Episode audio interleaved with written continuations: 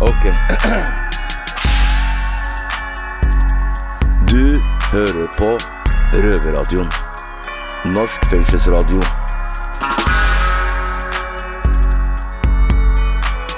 Bli med inn.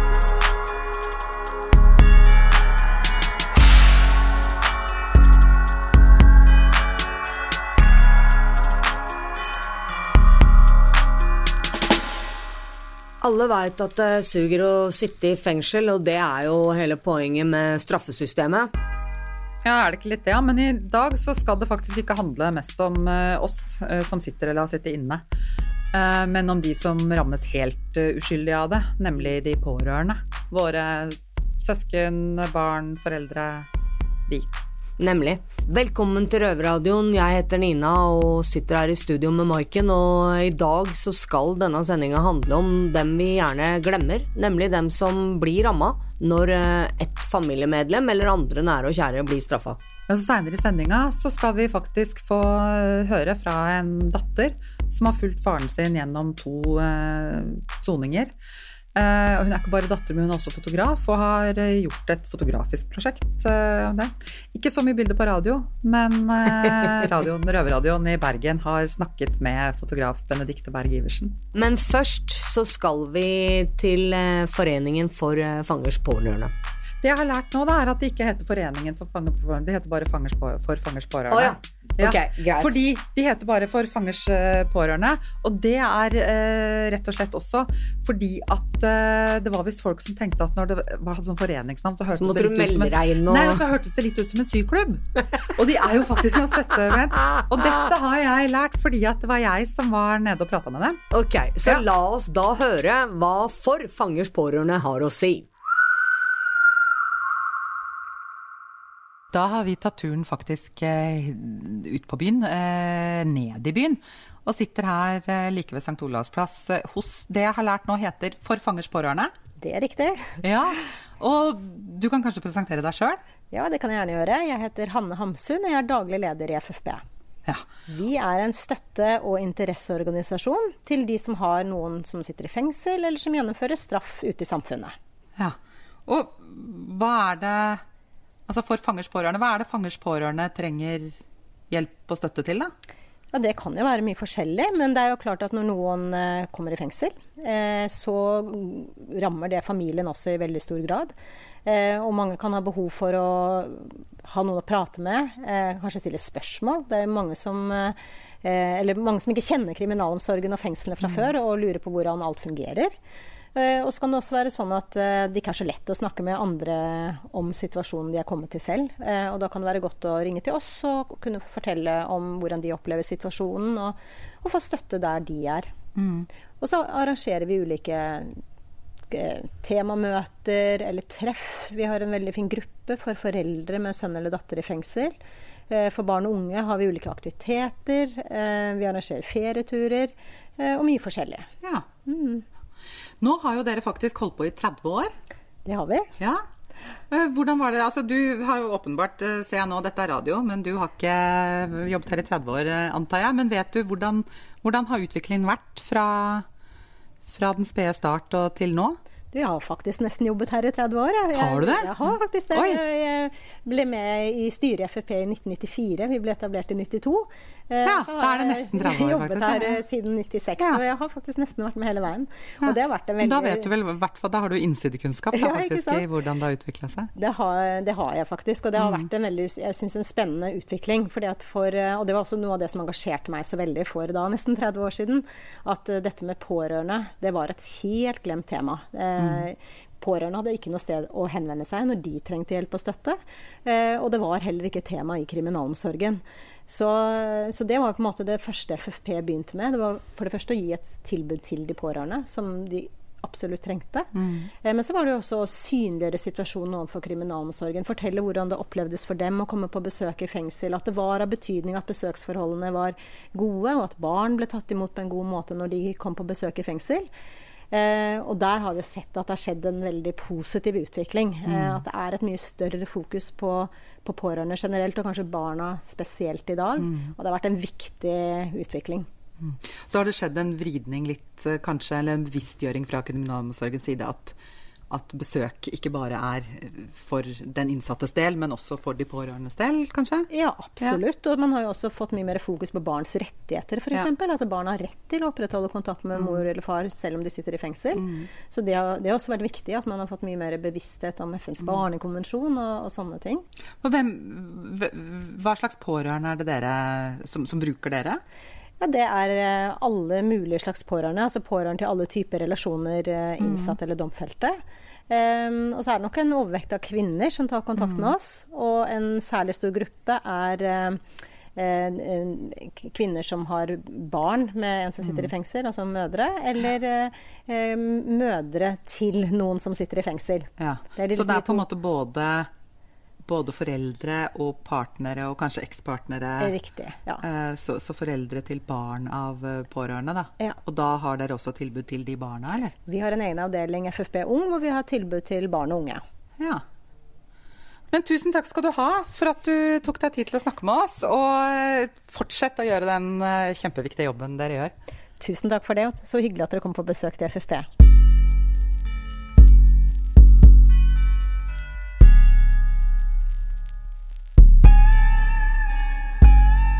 Ja, FFB gjør jo et utrolig bra stykke arbeid, og så viktig, for det er så mange pårørende som ikke veit hvor de skal henvende seg. Så ja. takk for 30 gode år der, og håper det kommer 30 nye ja, minst. Og at de får gjort masse. Det er jo både kjempeviktig at de fins, og den, den, jobben de gjør. Absolutt. Men nå skal vi jo over eh, til eh, holdt på å si min gamle hud opp på Bredtvet.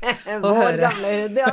nå prøvde jeg å være gangster, hørte du ja, det? Ja, ja, men høre fra noen som Underimponert, men greit nok. Sorry, nei, jeg klarer ikke. Altså, det får være, det får være din rolle. Eh, så får jeg være streitingen. Det er sånn det er her i livet. Men uh, vi skal høre fra noen fra Bredtvet som har ja. Eh, erfaring uh, både som pårørende sjøl, og nå som innsatte med pårørende på utsida. Nemlig. Hei, mitt navn er Shefkie, og jeg sitter her på Røverradio sammen med Alexandra. Hei, Alexandra. Hei, Shefkie. Vi har jo noe til felles, jeg og du, og det at vi har jo Jeg har jo samboer, og du har jo en mann som begge er tidligere ja. straffedømt. Uh, og det gjør jo at det blir jo fysisk umulig, og ellers blir det jo veldig vanskelig å kunne opprettholde kontakt med de. Mm -hmm. uh, det er vel kanskje noe som er det vanskeligste med å sitte inne, at man blir uh, tatt bort ifra de man elsker å stå nærmest.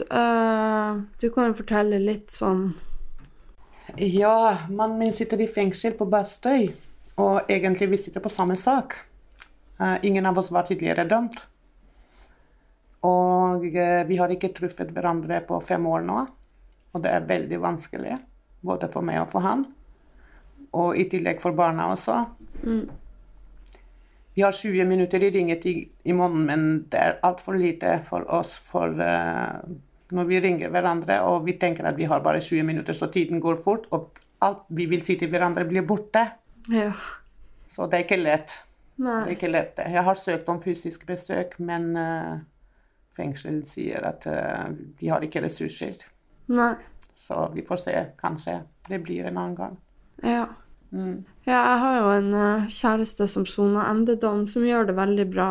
men vi får jo ikke lov å møtes pga. han er tidligere straffedømt. Uh, og så har jeg jo verdens nydeligste sønn, som jeg da får samvær med uh, tre timer utenfor fengselet en gang i måneden. Mm. De første tre gangene var jo i fengselet. Men vi har jo også vi har hatt en veldig bra, et kjempebra samvær hvor vi gikk på senteret, og jeg fikk føle meg menneskelig yeah. igjen. og vi var og spilte bowling og kjøpte julekalendere og julegensere. og Det var jo helt fantastisk. Det kan jeg leve lenge på. Ja, det... Men vi har jo også hatt noen veldig uheldige opplevelser hvor rektor har lurt, ringt og lurt på hvorfor det går bevæpna menn på skolen. og Ungene på skolen har jo da snakka om en mamma som har gått med politi. Uh, og en annen gang så ble jeg jo dratt ut av en politibil i midt på torget, og vi skulle jo spise på restaurant med fullt uniformert politi med uniform og batong og håndjern og pepperspray og pistol. Så det Det har vært veldig tøft uh, for både meg og han. Og også for kjæresten, da. Ja, selvfølgelig. Nei, det er vanskelig. Det er det. Ja. Og ellers er det jo også vanskelig for pårørende. Hun mamma er jo livredd for å kjøre i Oslo, og jeg tror hun er like livredd for å dra inn i fengsel. Ja. Ja. Mhm. Så åssen tror du det er for ungene dine? Oi. Jeg har fem barn og fem barnebarn, egentlig. Og eldste barnet mitt er 32, og minst er 18. Og i begynnelsen det var veldig tungt for dem. Ja. For faren var allerede i fengsel, og de hadde kun meg. Så eh, jeg kan ikke beskrive det med ord, men det var veldig tungt. ja. Hver gang vi pratet med telefon, så de bare gråt og gråt og gråt hele tida. Men eh, jeg tror nå er det litt bedre, for begge to er det i Norge. Ja. Ja, det er fint.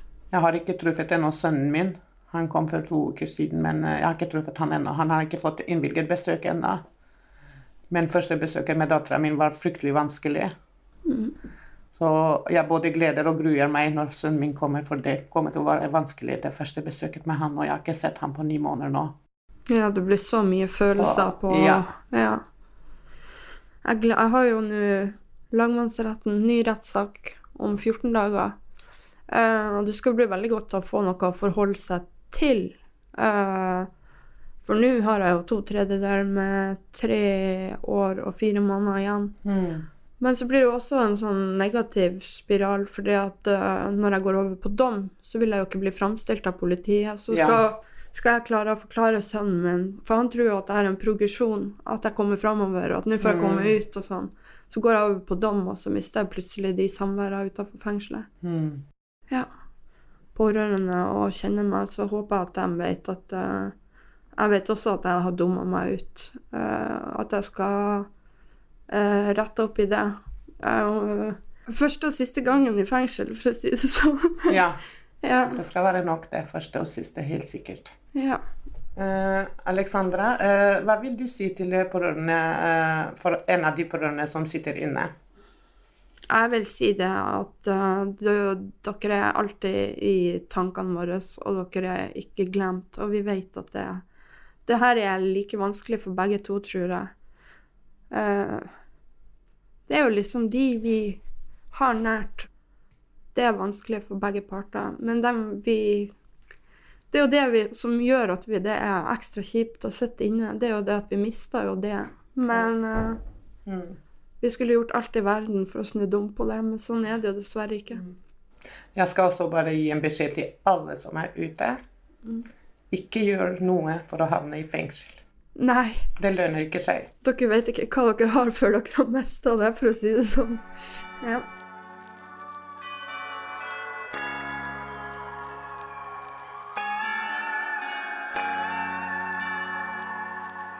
Ja, det er jo et paradoks, da. At eh, man skal gå til dårligere forhold eh, lagt til rette for besøk av barn når man går fra varetekt til dom, sånn Ja, som det For sånn som jeg forstår Jeg har jo aldri sittet i varetekt, men, men sånn som jeg, altså mens man er i varetekt, så er det jo politiet som, som gir deg fremstilling, som det heter. Er det politiets ressurser når du kommer ut og, og, og da får lov å ha samvær utenfor fengsel? Mens eh, når man sitter på dom, så er det kriminalomsorgen, og det Ja, og kriminalomsorgen at det er er Det jo, betyr- som vi alle veit, på Nemlig, knærne. fordi eh, da er det betjenter, og de har ikke nok folk på jobb til Nei, å kunne gjøre ikke det. Eh, Så da blir det plutselig samvær på innsida istedenfor på et litt mer nøytralt sted på utsiden. Mm. Det som er et annet paradoks, det er jo, som jeg kjenner veldig godt fra Bredtvet, det er jo at eh, selv om man har en fin besøksleilighet og sånt oppe på høysikkerhet, så, så er det ikke den samme progresjonen i samværsmulighet eh, når man kommer over på lavsikkerhet. Nei. For der er det både måte, dårligere fasiliteter og mindre kapasitet for besøk. Eh, som, så hvis man skal ha litt lengre Overnatting og eksempel, så sånn, må man jo tilbake inn på høysikkerhet. det får man Ja. jo faktisk lov til, da man får lov å komme tilbake på høysikkerhet. Men for barna så er det jo jeg vet om barn som har valgt bort eh, de besøkene fordi at de ikke har ønsket å måtte innafor de, de, de piggtrådgjerdene igjen. Nei, det kan man jo forstå. Det Eh, kan det- jo sikkert virke skremmende på små barn å, å komme innafor de høye murene der. Det er der, ganske eller- skremmende, ja. Så det, det tenker jeg også er en ting som, som kriminalomsorgen må huske, at, eh, at også for de pårørende så, så må det liksom være en, en ja, også en progresjon, da. At det ikke blir et sånn tilbakeskritt. Men Det. er eh, det å skulle besøke mm, foreldre i fengsel er jo ikke noe som rammer bare små barn. Det er jo voksne barn også, og som henne vi skal høre fra nå, som var eh, 17, tror jeg, første gangen hun dro og besøkte faren sin i fengsel. Og har fulgt han da ut og inn av fengsel inn i sitt eh, voksenliv. Ja, og dette, denne produksjonen gir jo et helt spesielt innblikk i en verden som ellers er ganske skjult, og for mange kanskje både tabubelagt og skambelagt. Ja. Ok, da blir det over til Bergen fengsel og røverne Miguel og Avas som prater med Benedicte. Vi skal eh, snakke litt om hvordan det er mm, Altså hvis noen havner i fengsel, så er det, så er det kanskje lett å glemme at det ikke bare er den personen som blir rammet. Du, du har kanskje en hel familie rundt. sant? Ja. Og når vi sitter her i fengsel, så er jo vi på en måte skjermet for veldig mye, mens de, De er ikke det, nei. eh, pårørende, de, de, eh, de har det tøft, de òg. Og det skal vi snakke litt om i dag. Eh, Vi har fått med oss Benedikte Berg Iversen. Velkommen til deg, Benedikte. Jo, takk skal du ha. Ja, eh, dette er jo litt spennende. Altså, du har ehm, Du har altså din masteroppgave Altså, du har rett og slett Du har en litt sånn spesiell oppgave. Kanskje kan ikke du fortelle litt om det? Jo, eh, jeg har tatt master i fotografi. Eh, så jeg har rett og slett laget et eh, masterprosjekt om det å være pårørende. Fordi min pappa han satt inne her i Bergen fengsel. Dette er et prosjekt som startet i 2016. Da hadde han sonet tidligere. Så det var bare en bidel av hans bakgrunn og hans bagasje. Og det handlet jo mye om det at han var en veldig god far, til tross for alle sine problemer, da. Eh, eller problemer, kanskje feil å si, men i hvert fall det at selv om han har slitt med sitt, så var han fremdeles en god far for meg og min søster. Så fikk han en ny dom, da. Og det var jo selvfølgelig kjipt. Så begynte jeg på masterstudiet i 2020, så da ble hele prosjektet snudd til at det, det handler om det å være pårørende, da. Fra min, mer min uh, synsvinkel, egentlig. Mm. Men det er fotografi. Ja, det heter Photography in Society. Wow. Ja. Fancy. veldig. Eh, dette høres veldig interessant ut, og absolutt verdt å få ut der, altså synspunktene til barn. Um, ja, du Benedikte. Hva er det som egentlig har fått deg til å starte dette prosjektet? Nei, eh, det var en lærer ved skolen, og han fortalte om sitt prosjekt, Raise a Laugh, som er om hans far, som er alkoholisert. Så tenkte jeg sånn Hm, Ja. her er det noe å bygge på. For det kunne jeg relatert til òg, at eh, jeg har en far som er alkoholiker. Så tenkte jeg, hm. Så kom det et prosjekt som var om identitet. Da valgte jeg å følge pappa. Og så um, Da handlet det, som jeg sa tidligere, om at han som person. Riktig. Og så har jeg bare fortsatt å ta bilder av pappa gjennom alle de årene, da. Nå er det blitt på syvende året, sjette året. Ja. Eh, så kom jo han med ny, fikk en ny fengselsstraff. Og da spurte han går det fint hvis jeg fortsetter å følge deg.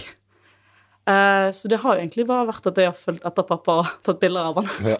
Stakkar kar. Men eh, Hva, det, hva slags eh, tilbakemeldinger er det du har fått angående dette, egentlig?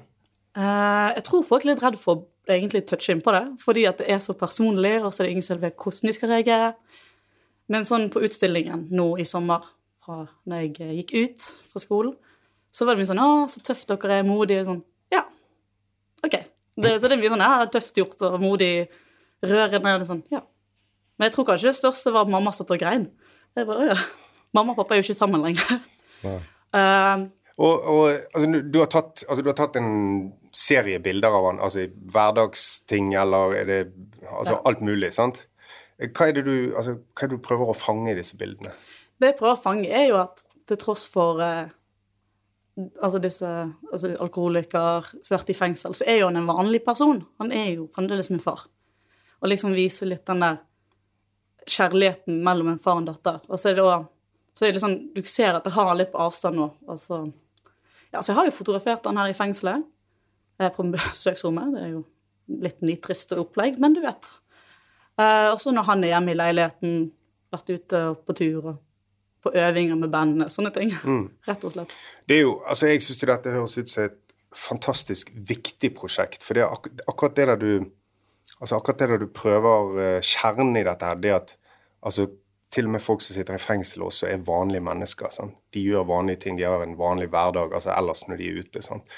Um, for det der å ha det der å være barn av foreldre som sitter, eh, og altså ha foreldre som sitter i fengsel, det er ganske stigmatiserende. Hvorfor syns du dette er viktig? Nei, jeg syns jo at det burde være en samtale rundt det. Fordi at jo, mer, altså jo mindre man snakker om det, jo mer mystisk er det. Og, Altså det blir mer tabu å åpne å ikke snakke om det. Sånn Psykisk helse var jo kjempetabu å snakke om før, men nå er det ikke like tabu å snakke om at man sliter litt. Nei, jeg synes jo, altså, jeg, For meg virker det litt som om det er nesten blitt litt sånn hipt nå å, å, å være deprimert. Altså Det er mange artister og, og, og skuespillere og alt. Det er mange som står frem nå. 'Jeg er deprimert, jeg har vært så langt nede, jeg har møtt veggen'. Alt det der. Har du det inntrykket òg? Eh, ja, litt, men jeg håper ikke det blir hipt å havne i fengsel. nei, nei, ikke hipt å havne- i fengsel, men akkurat det med psykisk helse. Ja, nei, jo da. Det er jo blitt veldig lav terskel for å snakke om det. Ja. Um, Men det, og det er jo bra. Ja, jeg syns det er bra. Ja, ja. Men eh, jo, jeg syns jo at Men for å fjerne tabu, så må man snakke om det. Og hvis ikke jeg vil snakke om det, hvorfor skal jeg forvente at andre gjør det? på en måte også. Så det var Ja, jeg syns bare det er viktig å snakke om sånne ting. For jeg hadde jo perioder jeg syntes det var vanskelig å svare på hvor pappa var. Hva han jobbet med. Så sånn Nei, han jobber med ingenting. Ja. Sant? Og det var litt flaut å skulle si det, for jeg har en mor som er veldig suksessfull, og så suksessfull. Og så måtte det være sånn Ja, så på andre siden så er vi i fengselet. Mm. Kontraster. Ja. Ja. Jeg, må, jeg må spørre deg om noe, Benedicte. Du, du virker som en veldig sånn utadvendt person. Dette er kanskje litt personlig spørsmål, men jeg spør likevel. Har det hjulpet deg på noen måte med det, altså dette prosjektet, det å far har sittet i fengsel, og har, har, det, har det gitt deg noe? Eh, ja, dette prosjektet har jo eh, på mange måter blitt en terapi for min del, da. Eh, fordi at jeg har fått bearbeide litt sånn tanker og følelser, hva jeg faktisk føler mot pappa. Eh, og så var jo det òg Du måtte jo skrive. Du må jo skrive en master. Du kan ikke bare ta bilder. Så den, min masteravhandling er veldig personlig og mer som en dagbok. Så jeg har reflektert mye over min egen opplevelse og tanker fra barndom og rundt når pappa kom til fengsel. Det å, være, det å gå inn i Bergen fengsel første gang kjipt. Det var tungt. Så det har jeg også skrevet om, da. At det er litt mangel på informasjon, rett og slett, om å være pårørende. Så ja, ja det har hjulpet. Og så har meg og pappa fått lov til å snakke om ting vi ikke ville gjort, rett og slett. Ja, hvordan, hvordan har han reagert på prosjektet? Nei, pappa han er jo litt uh, svimete. Han uh, tar ikke så mye del i det. Men han er sånn Ja, det er greit, det. Kult, det. Men så har jeg skjønt at han går jo rundt og snakker om det. Ja. Så ja. Du har snakket om at det er mangel på informasjon fra fengselets side. Hva slags informasjon er det du føler manglet, og mangler? Nei, altså, vi fikk null informasjon om noe som helst. Eh, Det vi fikk av informasjon, var jo altså, på en måte samtaler før pappa kom inn i fengsel, at vi visste at han skulle i fengselet. Eh, Eller når han ringte oss. Eh, Jeg vet ikke om det er annerledes når man er mindreårig. Nå var meg og min søster tross alt voksne i den forstand. Så om vi hadde fått mer informasjon hvis vi var mindre, det vet jeg ikke. Så Men eh, hvordan ble du og dine mottatt i eh, besøksavdelingen? Eh, vi ble egentlig mottatt eh, ganske bra. Og det var jo også der jeg på en måte innså at eh, vi har ikke informasjon. For det var der alle de der brosjyrene hang, om hvordan man skal snakke med barn, om spesielt fedre, da, i fengsel. Og all den informasjonen den lå bak murene. Så tenkte jeg skal jeg måtte gå gjennom den muren for å få den informasjonen. Det er jo det som er den tunge delen, å faktisk gå inn. Altså, Bjørgvin fengsel er litt annerledes, for det, det er som å bare gå gjennom en liten dør. Men her er det liksom du skal sluses inn, og det var sånn du får et sånt sug i magen. Spesielt de første gangene. Men hvor gammel var du første gangen du besøkte din far i fengsel? Gud, jeg var vel 16-17, 17 kanskje. Ja. Ja. Um, jeg, jeg, jeg kjenner jo litt på det der sjøl. Jeg har jo to barn. Ehm, og de har jeg ikke Altså, jeg har ikke hatt besøk av de på Altså, jeg har ikke egentlig sett de noe særlig på fire år. Fordi at det for de å komme inn her, det kan være en så, såpass traumatisk opplevelse at jeg Altså, det blir mer aktuelt, som du sier, når jeg er på Bjørgvin, altså på, på, i fengsel med lavere sikkerhet. Um, men det er jo klart for uh, Jeg kan jo bare snakke for meg, da, men, men når man har barn det er kanskje noe av det vanskeligste med å sitte i fengsel. Det er ikke frihetsberøvelsen eller regimet vi er under. Det er rett og slett å ikke ha kontakt med barna sine. Det er det aller, aller tøffeste. Eh, og sånn går det sikkert begge veier. Ja, altså det som jeg kjente på Altså nå har ikke, Jeg henger ikke mye med pappa, det gjør jeg ikke. Men det er litt rart å ikke bare kunne ta telefonen og si Du, eh, jeg bare lurte på et eller annet. For det, den telefonen må komme fra han. Han kan ikke vite at jeg lurer på et eller annet vase, liksom. Men um, meg og min søster prøvde jo veldig å passe på at når vi først var her, så hadde vi alltid med oss masse mynter, så vi kunne kjøpe godteri og brus. Men vi foretrakk å få det i rommet med TV, så vi kunne ha nyhetene på i bakgrunnen. Sånn, jeg ser hva som skjer her i verden. Så vi hadde noe å snakke om. Fordi vi gikk tom for samtaleemner etter hvert. Det, ja, det, det, kunne fort bli sånn pinlig øyeblikk der ingen sa noe. sant? Ja, mer eller mindre. Ja, ja. Så sånn, ja. Og så er, det, så er det kanskje altså, når man, Enten man snakker på telefon eller man er på besøk sant?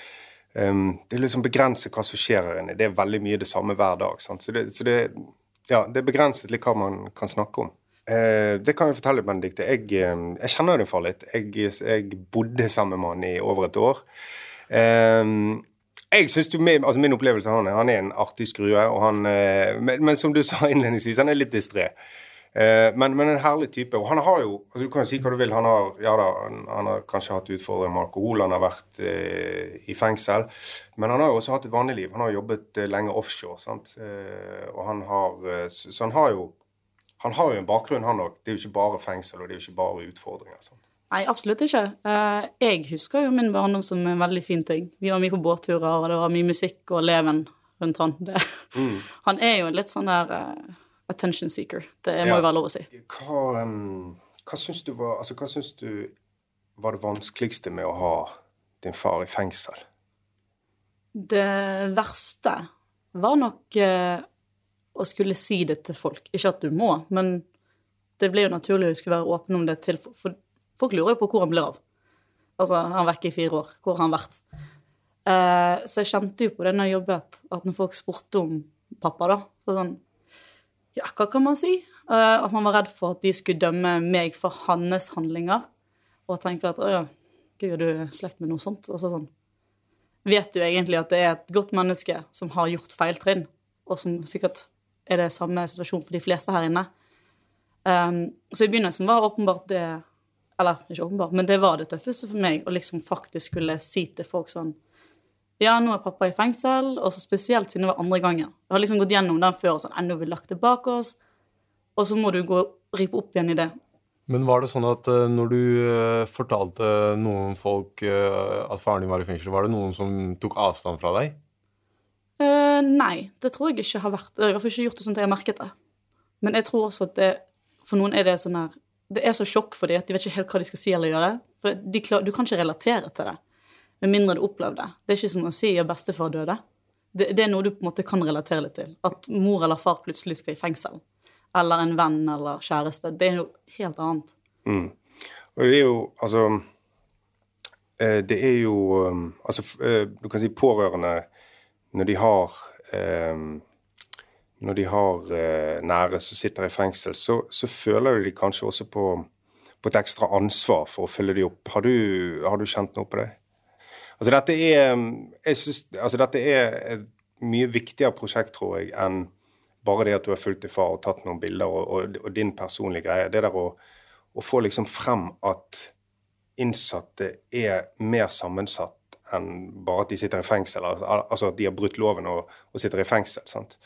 Har du noe du vil si til pårørende der ute som ja, kan synes at situasjonen er vanskelig hvis de får noen eh, av sine nære i fengsel? Ja, nei, altså Nå har jo jeg søkt ned internettet, så jeg vet at det finnes det hjelpetelefoner, eh, blant annet. For fangers pårørende har jo hjelpelinjer. Hvis ikke så tenker jeg at hvis du har en venn eller en nær en du faktisk tør å betro deg til, så hjelper det veldig. Eller å bare skrive ned tankene for seg sjøl. Det funker veldig bra. Og man finner et utløp for disse tankene, og man kan reflektere på egen hånd.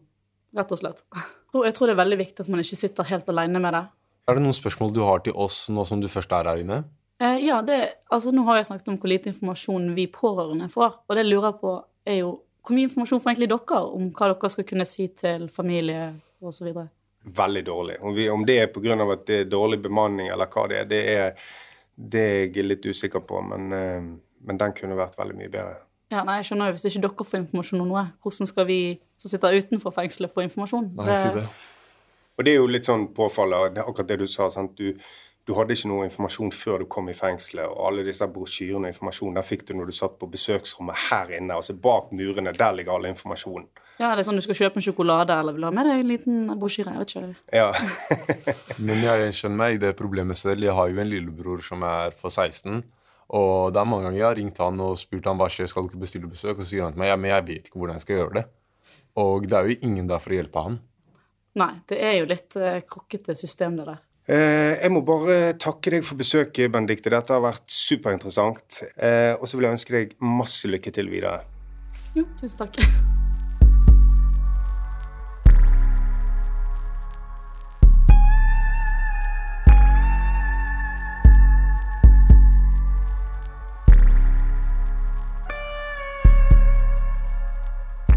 Det er jo til enhver tid eh, over 3000 personer som sitter eh, fengsla i Norge.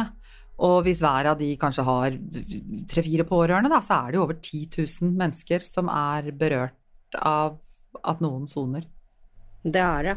Og det jeg beit meg merke i, var eh, det hun fortalte om at eh, det hjalp for henne å kunne gjøre dette prosjektet, det var, Ja, ja, ja. men det å kunne prate med folk om det, og derfor eh, så tenker jeg at det er så viktig at folk prøver på det, fordi det Mm. er en veldig belastning å ha en som sitter inne. Jeg har jo opplevd det sjøl. Jeg var jo, selv om jeg levde som kriminell den gangen, og, Mm. så samboeren min satt jo av de åtte åra vi levde sammen, over eh, to år i fengsel. Mm. Og selv om jeg da var en del av det miljøet, så var det en enorm belastning naturligvis å ha en som sitter inne for det. Og det savnet, den sorgen, og det at alle andres liv går videre, mens ditt eget står på vent, ikke sant. Særlig da som partner til en innsatt, Ja, er eh, vente, ikke sant. Men eh, så, Og det å, og fraværet å ha noen likesinnede å prate med da, gjør jo ekstra tomt. Og det er jo ikke alltid bare det altså, at, Det er ikke alltid prating er nødvendig heller, for det å møte noen som er i en tilsvarende situasjon, kan jo nettopp gjøre at man tenker at her trenger man ikke forklare, her trenger man ikke prate. Eh, ikke sant? For det, det er noen som vet hvordan du har Det er noen som har det på samme måte. Eh, og jeg må jo si at jeg eh, har jo kjent på det. Altså jeg husker første gang jeg fikk eh, Det startet da jeg sonet mens det var korona. Uh, og så har jeg jo en far som driver og trekker på åra, og som har parkinson og begynner å bli dårlig. Og første gang jeg, han kom på besøk, og jeg sto og så gjennom vinduet, ikke sant, den mannen som på en måte hadde blitt så gammel i løpet av den, det halvåret jeg ikke hadde sett han i det hele tatt, før han kunne komme på besøk, det er ganske brutalt, altså. Mm. Men jeg var jo nede og snakka med de FFP, det vi hørte helt i starten, og de snakka jo også om det at, eh, at av og til i, i settinger med dem, så, så er det bare det at, at man er i samme situasjon som kan være veldig viktig. Og sånn er det jo også for, for barn å møte noen der det er forskjell på å vite at andre har det sånn som deg, at vite at du er ikke den eneste med en mamma eller pappa i fengsel, og det å møte noen som også har en mamma eller pappa i fengsel. Så Hun sa jo det at det er stort sett altså det er et overvekt av damer, altså mødre eller, Som tar eller hva- kontakt, ja. mm. Men de har jo også eh, tilbud for, altså, for pappaer og for, for menn og for, alt alle, mulig. alle Det er for pårørende. alle. Mm. Eh, og det vi bare vil si om FFP, det er at de er jo en landsdekkende Vi snakka med dem her i Oslo, men de er jo en landsdekkende organisasjon. Eh, så man kan jo bare gå inn på ffp.no, så finner man sin lokale. Og så har de en hjelpetelefon for de som syns det er greiere, og den har nummer 22 11 41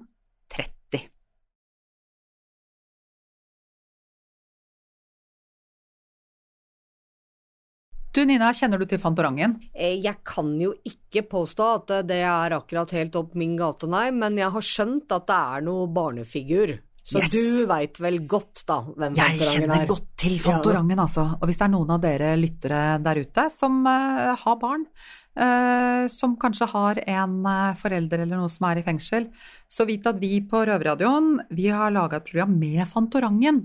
Og det kan søkes opp. Eh, Fantorangen på oppdrag i fengsel. Og da er altså Fantorangen der på oppdrag eh, også fra FFP, som samarbeida med oss eh, ved å lage spørsmål og samle inn fra barn. Eh, Det Så den kan være kjempefin eh, å høre på både som, som pårørende, men også kanskje sammen med et barn. Absolutt. Mm. Det er mye å lære fra den Fantorangen-sendinga, for han eh, går jo gjennom hele sikkerhetskontrollen på fengselet og mm, får kan man innblikk i Rett og slett, skritt for skritt, hvordan Ja. er det å komme på besøk hos noen i fengsel? Mm, så det er en bra intro til barn før de har vært på besøk i første for, for første gang også, tenker jeg. Mm, og hvis de gruer seg og Mm. ja, ikke vet helt hva det er. Absolutt. Ja. Jeg kjenner, Nå har jeg ikke sagt så mye om min situasjon, men jeg syns det blir oh, Skal vi bare runde av? Ja, jeg er helt åpen for det. Jeg syns det er greit, jeg. Ja. Ja, det gjør vi, Maiken. Da sier vi som så at Røverradioen er over for i dag, men vi er tilbake allerede neste søndag på NRK P2 klokka 20.30, eller På podkast når eller hvor du vil. hvis du ikke sitter i fengsel. Ja. Ha det. Denne sendingen av Røverradioen er sikkerhetsgodkjent av Bredtvet fengsel. Musikken er laget av Trond Kallevåg. Røverradioen er en veldedig organisasjon som er avhengig av din støtte. Følg oss på Instagram, Facebook, Twitter eller gå til røverhuset.no og finn ut hvordan du kan støtte Røverradioen.